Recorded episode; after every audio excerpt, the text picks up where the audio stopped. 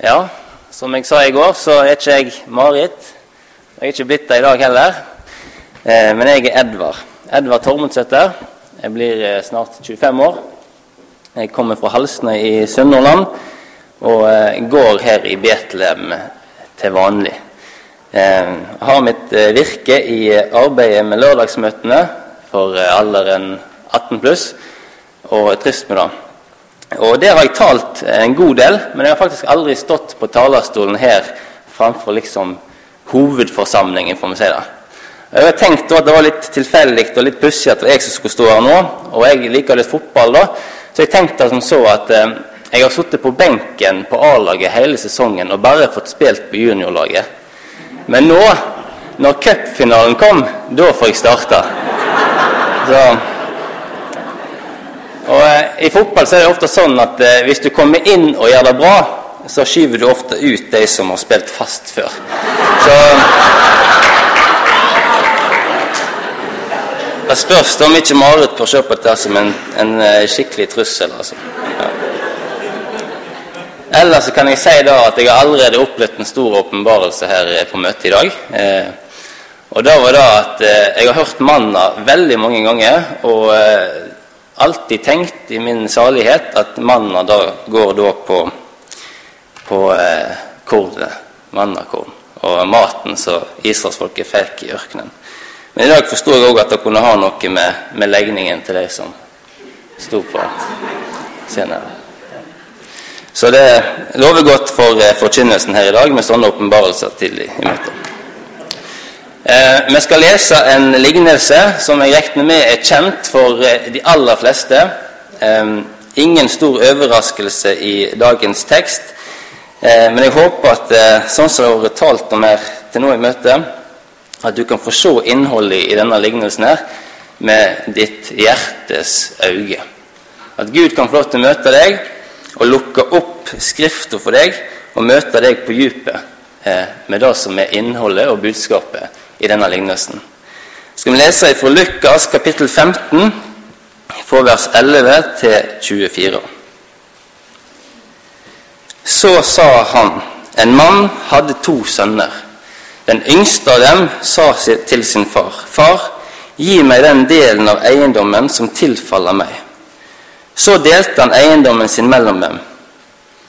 Ikke mange dager etterpå samlet den yngste sønnen sammen alt sitt og drog til et land langt borte. Og der sløste han bort alt han eide i et nedbrytende liv. Men da han hadde brukt opp alt, ble det en svær hungersnød i det landet, og han begynte å lide nød. Da gikk han av sted og slo seg sammen med en av dem som bodde i landet, og han sendte ham ut på markene for å mate svin. Og han spiste seg gjerne mett på de skolmene som grisene åt av for ingen gav ham noe. Men da han kom til seg selv, sa han, Hvor mange av min fars leietjenere har brød i overflod, mens jeg selv går til grunne av sult? Jeg vil stå opp og gå til min far, og jeg vil si til ham, Far, jeg har syndet mot himmelen og framfor deg, og jeg er ikke lenger verdig til å kalles din sønn. Gi meg en tjeneste som en av leiekarene dine. Og han sto opp og kom til sin far. Men da han fremdeles var langt unna, så hans far ham og fikk inderlig medlidenhet med ham. Han sprang ham i møte og falt ham om halsen og kysset ham. Sønnen sa til ham, Far, jeg har syndet mot himmelen og framfor deg, og jeg er ikke lenger verdig til å kalles din sønn. Men faren sa til sine tjenere, Hent fram den beste festdrakten og ha den på ham. Og sett en ring på hånden hans og sandaler på føttene hans. Kom så hit med gjøkalven og slakt den, og la oss ete og være glad. For denne sønnen min var død og er blitt levende. Han var fortapt og er blitt funnet. Og de begynte å være glad. Kjære Jesus, takker deg for ditt ord. Og jeg ber deg om at eh, ordene som nå kommer fram, må være i tråd med det som du mente å si den dagen du fortalte denne lignelsen første gang. Jesus, jeg ber deg om at du må gjøre deg stille i vårt indre, at du må fri oss ifra tanker som drar fokuset vårt vekk. At du kan gjøre sånn at vi får lytte med hjertet det som du sier til oss nå. I ditt navn. Amen. Som nevnt en veldig kjent eh, lignelse, eh, og veldig mange har hørt den før og kjenner innholdet. Det som jeg ønsker at vi skal gjøre nå, er at vi skal se og lytte til denne lignelsen sånn som de som står og hører på Jesus denne dagen, lytter. Og Jesus han er midt i en konfrontasjon med fariseere og skriftlærde. Nettopp fordi at Jesus holdt seg med syndere og tollere. Og Så er Jesus kommet inn i en rekke av lignelser som han forteller i Lukas 15, og der han avslutter med lignelsen om en far som hadde to sønner. Fariseerne og de skriftlærde var de som la ned en enorm innsats for å leve rett, oppfylle Guds bud og fortjene seg Hans nåde og frelse. Og Med de brillene skal vi se litt på det som står i denne teksten. Den yngste av de sa til sin far, 'Far, gi meg den delen av boet som faller på meg.' Og Jeg regner med de fleste som har lest det og tenkt over det, fort forstår at sønnen her trakker langt over måte, hva som er normalt, og normal tale og normal ærefrykt for far sin. Og at han tar et stort overtramp i forhold til ydmykhet og respekt overfor faren. Men i samtida som Jesus forteller dette her inn i, så var det mye mer enn et overtramp. Det var som en rystelse i ørene til fariseerne og skriftlærere. Det var som et jordskjelv inn i kulturen og tradisjonen.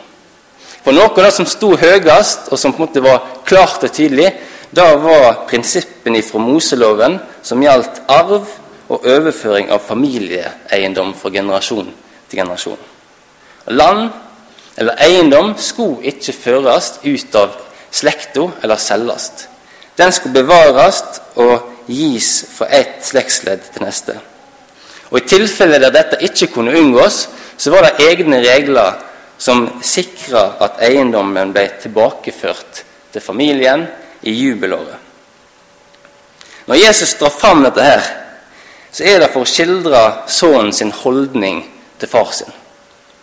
De skriftlærde fariseerne som sto og hørte på Jesus, kjente godt til dette systemet som Jesus nå peker på at sønnen på mange måter bryter ut av. Og de ble nok rysta. Og Jesus beskriver en gutt som mangler respekt og ærefrykt for faren sine verdier og faren sine eiendeler. Men det stopper ikke bare med det. Den yngste sønnen her framstår òg som en som mangler kjærlighet og ærefrykt for far sin. Og sønnen sin oppførsel og sønnen sin forespørsel kan på mange måter oppsummeres i at han sier, 'Far, jeg skulle ønske du var død.'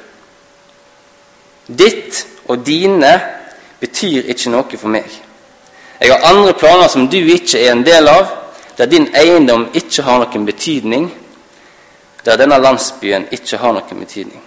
Han ønsker arven sin, han ønsker nå, og han vil reise vekk. I denne kulturen så sto ærefrykt og da å hedre din far og din mor veldig sentralt. Og sønnens oppførsel ble her en skandale for faren og for familien. Normalt ville en sånn handling eller en sånn oppførsel føre til at sønnen ble tatt med av faren, kanskje inn til torget i landsbyen, der faren offentlig ville vise vekk sønnen. Ville avvise han som sønn og straffe han. Ikke uvanlig var det at det ble holdt begravelse i familien over en person som oppførte seg på sånn måte overfor sine foreldre. Og han ville være regna som død. Og Dette kan vi også se igjen senere i lignelsen når han kommer hjem og faren sier min sønn som var død, men som nå er blitt levende. Dette var eh, kulturen sine forventninger til farens reaksjon. Og Kanskje kan vi være enig i at eh, en sånn opprørsk sønn sin handling fortjente å bli satt på plass og bli irettesatt. Men vi kjenner reaksjonen til faren. Faren handler ikke i tråd med kulturen sine forventninger. Jesus fortsetter å sjokkere tilhørerne når neste setning blir Han skiftet da sin eiendom mellom dem. Ordet som er brukt for eiendom, er det samme ordet som betyr liv. Faren delte opp og gav sønnene sitt liv. Sitt livsopphold og alt som familien hadde samla i generasjoner. Og Ut fra teksten så ser vi ingen spor av at faren krever noe ifra sønnen. Ingen løfte, ingen gjengjeldelse. Han gjorde ingenting for å tvinge den yngste sønnen til å ta vare på eiendommen eller vise respekt for tradisjonene. Farens handlinger overfor sønnen viser sinnelaget til en kjærlig og god far. En far som heller påfører seg sjøl skam med å bryte forventningene til kulturen, enn å vise fra seg sønnen sin. Jeg har tenkt litt på dette her. Hvorfor ville den yngste sønnen reise vekk? Hadde han ikke det godt hjemme hos faren? Det tyder på at faren var en velstående mann. Var det ikke godt hos far? Og Nå har jeg spekulert og kom fram til at jeg tror at noe av hovedgrunnen til at sønnen ønska å reise, var at han hadde en forestilling om at et liv borte fra far betydde et liv i frihet. Et liv der han kunne få realisere seg sjøl. Der han kunne få leve ut sin vilje, sine lyster, og være sin egen herre. Og i en sånn prosess, i en sånn tankegang, så ble faren og faren sine retningslinjer en hindring som hindra han i å oppnå sine innerste ønsker. Å bli hos far betydde at han var underlagt far sin autoritet. Han ville være sin egen herre. Å bli hos far betydde at han måtte medvirke til å realisere far sin vilje. Men han ville realisere seg sjøl.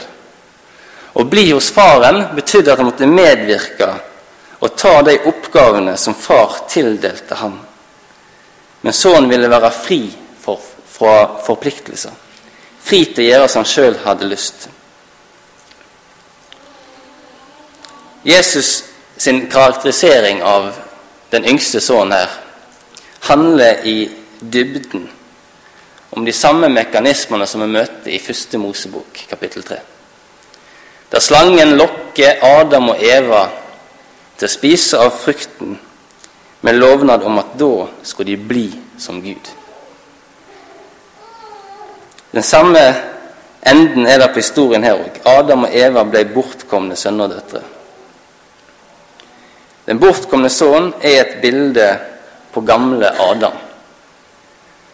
Og når Bibelen skal beskrive sinnelaget til gamle Adam, til det naturlige mennesket, så hører vi gjennom apostelen Paulus i Romerbrevet 8 en karakterisering som går som følgende 8.5-7. For de som lever etter kjødet, retter sinnet mot det som hører kjødet til. Men de som lever etter Ånden, retter sinnet mot det som hører Ånden til. For kjødets sinnelag er død, men åndens sinnelag er liv og fred. For kjødets sinnelag er fiendskap mot Gud, for det bøyer seg ikke inn under Guds lov og har heller ikke evne til det. Så kanskje mange kan tenke at eh, mennesket i seg sjøl, menneskets utgangspunkt, er en slags likegyldighet til Gud. At det er en slags sånn nøytral stilling, at det ikke bryr seg om Gud. Guds ord sier noe annet. Guds ord sier at mennesket i seg sjøl står i fiendskap til Gud. Det vil ikke det som Gud vil, og har heller ikke evne til det. Det kan ikke forbedres. Har ikke evne og ønsker ikke. Historien om den bortkomne sønnen er historien om menneskeheten som har vendt seg vekk fra Gud. Og lignelsen den fortsetter med å fortelle hvordan det går med sønnen. Det står at han reiser til et fremmed land langt borte. Uansett hva retning sønnen valgte å reise i, så ville et land langt borte være et hedensk land.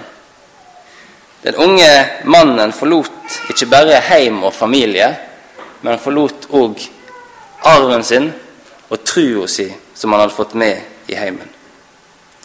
For fariseerne som lytta til Jesus fortelle, så var det utenkelig at en jødisk ungdom kunne forlate landet sitt og reise til hedningeland og slå seg ned i et utsvevende liv.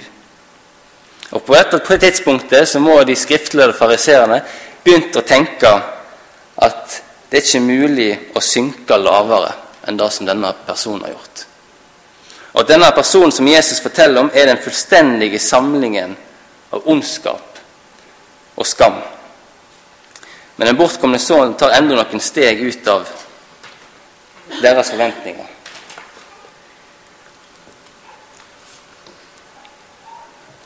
Det står at han ble satt til å gjete svin. Typen arbeid alene var nok til å stemple denne sønnen som for alltid utstøtt fra Israel. Jobben var ikke en eh, barmhjertighetshandling, men mer en fornærmelse.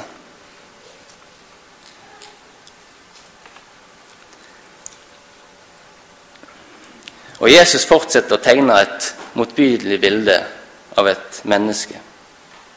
Så står det videre at det var hungersnød i landet, og den elendigheten som grisene ble servert, ble maten som den bortkomne sønnen ønska og lengta etter å fylle magen med.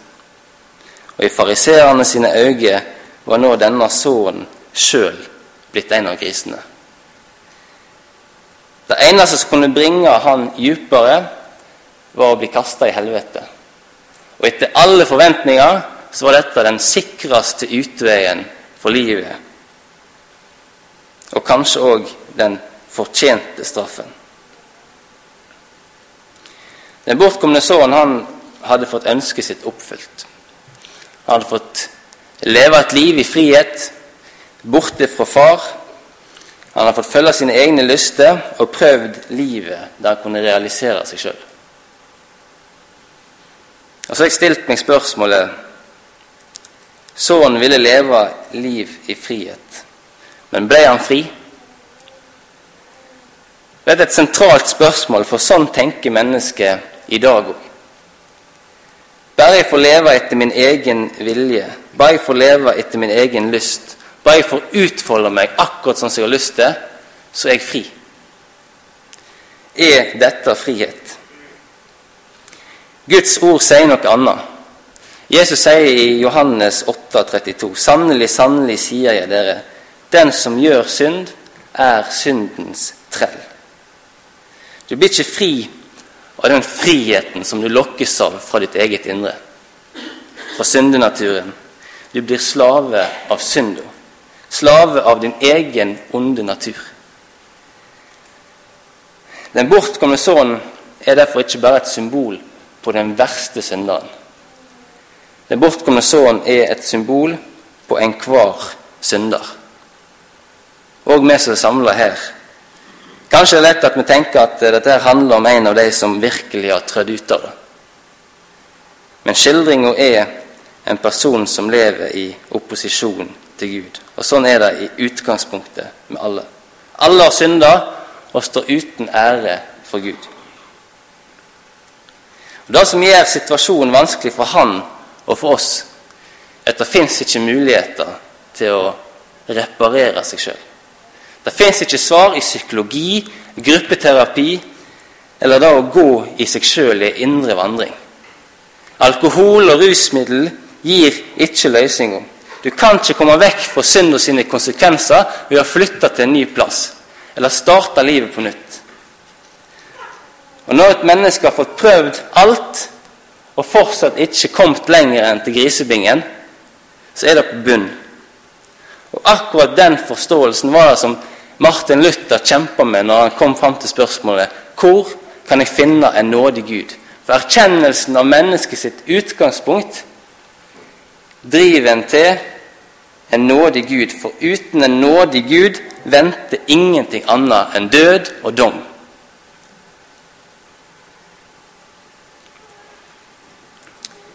Da kom han til seg selv.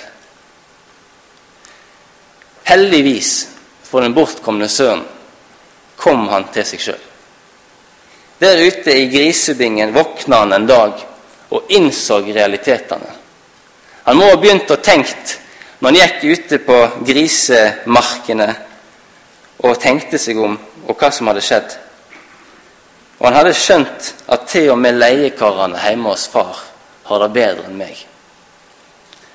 Plutselig tenkte han klart. Han skjønte at han var kommet til veis ende.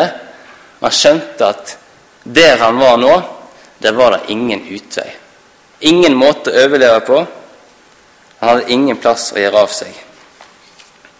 Og for første gang i livet bestemte han seg for å gå vekk fra synda. Be far om tilgivelse og underkaste seg faren sin autoritet. Og Så kan vi lese om sønnen som begynner på heimvei.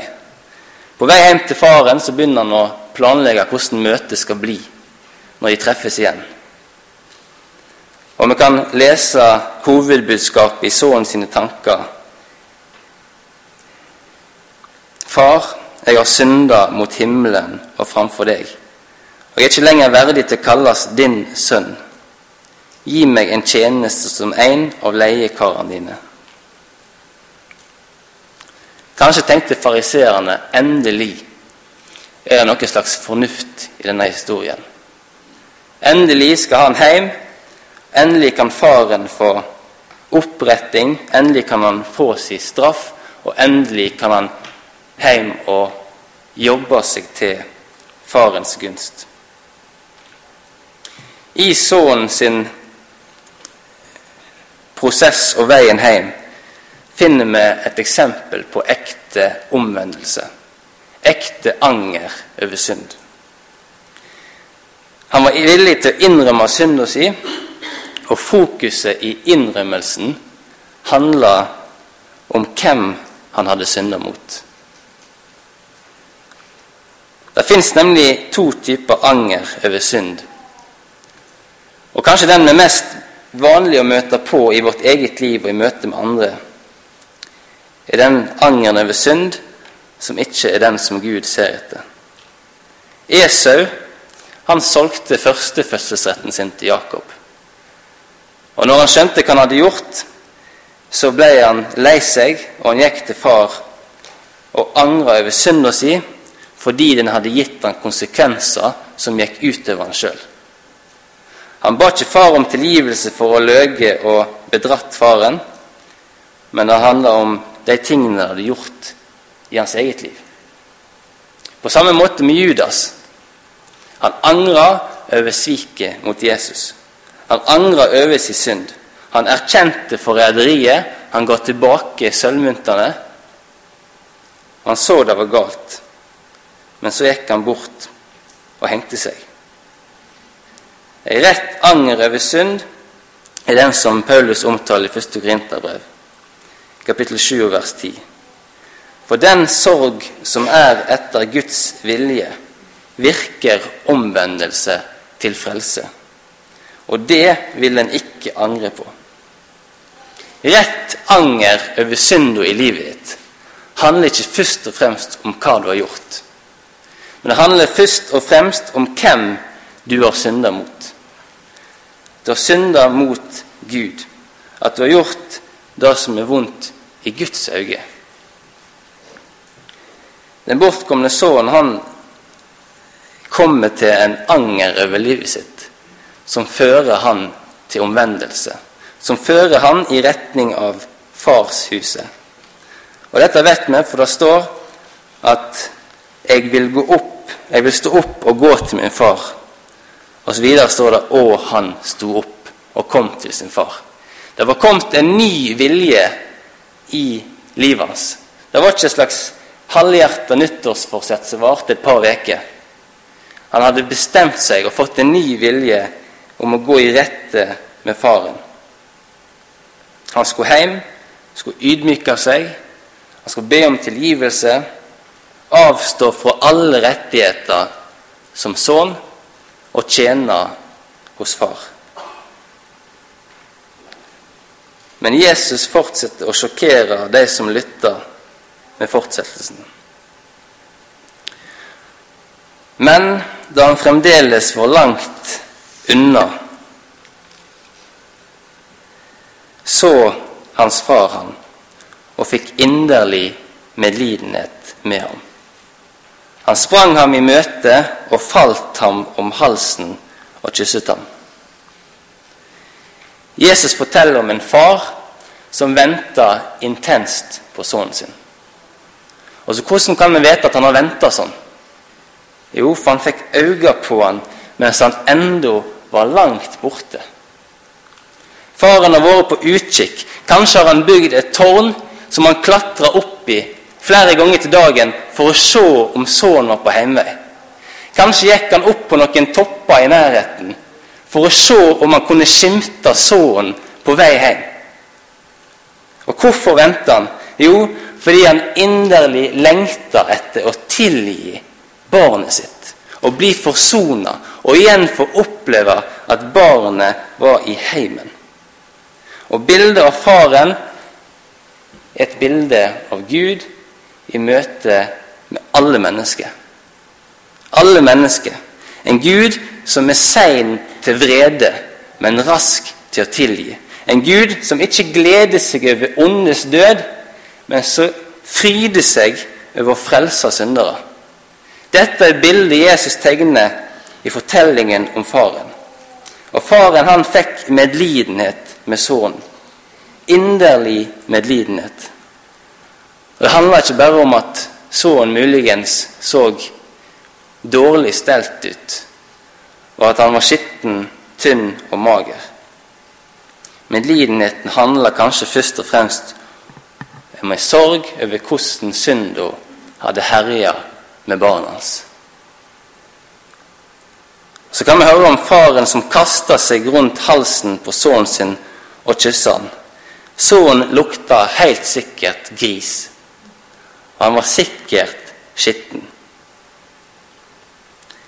Denne velstående, ærverdige mannen kaster seg rundt sønnen sin hals og kysser han. Og Sønnen han starter på sin innøvde tale, men han kommer aldri lenger enn til bekjennelsen. Han får aldri foreslått at han skulle fortjene seg til å være hos faren. Han får aldri foreslått å være en leiekar hos faren. Alt han får gjort, er å bekjenne sin synd. Og Så blir han umiddelbart gjeninnsatt som sønn. Han får nye klær, han får nye sko, han får ring på fingeren. Alt kun ved å bekjenne sin synd. Faren møter sønnen med nåde. Og så står fariseerne og de skriftlærde og lytter. Og så synger det i bakhodet deres. Guds ord sier uten soning for synd, kan ikke synd tilgis. Hvordan går det opp i denne lignelsen her? Kan bare faren ta imot sønnen sin? Så bare faren vekk fra alt som hadde skjedd? Jesus sier ikke inngående hvordan den bortkomne sønnens synd ble sona. Og de skriftlærde og fariseerne hadde rett. Gud ser ikke vekk fra synda. Gud snur seg ikke i en annen retning og lukker øynene og håper at liksom ingen skal legge merke til at han ikke straffer synda. Gud benåder heller ingen syndere, men Gud gir syndere ubetinga nåde.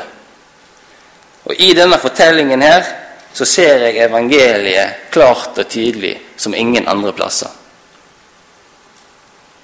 For i det løpet som faren tar i møte med sønnen sin, midt på lyse dagen Det må være på lyse dagen, hvis ikke så hadde han ikke sett han langt borte. Midt i det løpet der faren springer ut i landsbyen og springer i møte med han som var avvist av alle som hadde brukt opp arven, og som hadde på en måte forspilt alle sine muligheter i livet. Da løpet er et direkte bilde på Jesus sitt løp i møte med deg. Løpet hans begynte i himmelen, gikk gjennom en fornedrelse til jorda, der han ble lik et menneske, og der han ble lydig til døden på korset. Så var siste etappen av Jesus sitt soningsløp. Etappen fra Jerusalem og ut til Golgata med et kors på skuldrene, nedtynga av skam og skyld, ikke sin egen, men for den bortkomne sønnen, og for deg og for meg. Det står det i Hebreabrevet kapittel 12. På grunn av den gleden som venter han, utholdt han korset, akta ikke på skammen. For faren må det ha vært en ny fornedrelse å springe i møte med sønnen sin og ta han inn igjen i huset. For Jesus var det en fornedrelse å springe løpet til Golgata. Men på grunn av den gleden som venter, akter han ikke på skammen, men har utholdt korset. Jeg tror ikke det er utenkelig at det finnes en eller annen bortkommen sønn eller datter i salen her nå. Det er mange mennesker samla. Og hvis du begynner på ferden hjem igjen til farshuset i kveld, så kan du få bli en av disse gledene som Jesus utholdt korset for. Hvis du tar skrittet hjem igjen til far i kveld, så kan du få bli en av gledene som Jesus utholdt korset for. Skal vi be. Kjære Jesus, jeg takker deg for ditt ord. Takker deg for budskapet om ubetinga nåde til alle mennesker. Herre Jesus, jeg ber deg om å fri oss fra tanken om at et liv i vår egen vilje er et liv i frihet. Jeg ber deg om at du må lede oss hjem til deg, så du kan sette oss virkelig fri. I ditt navn. Amen.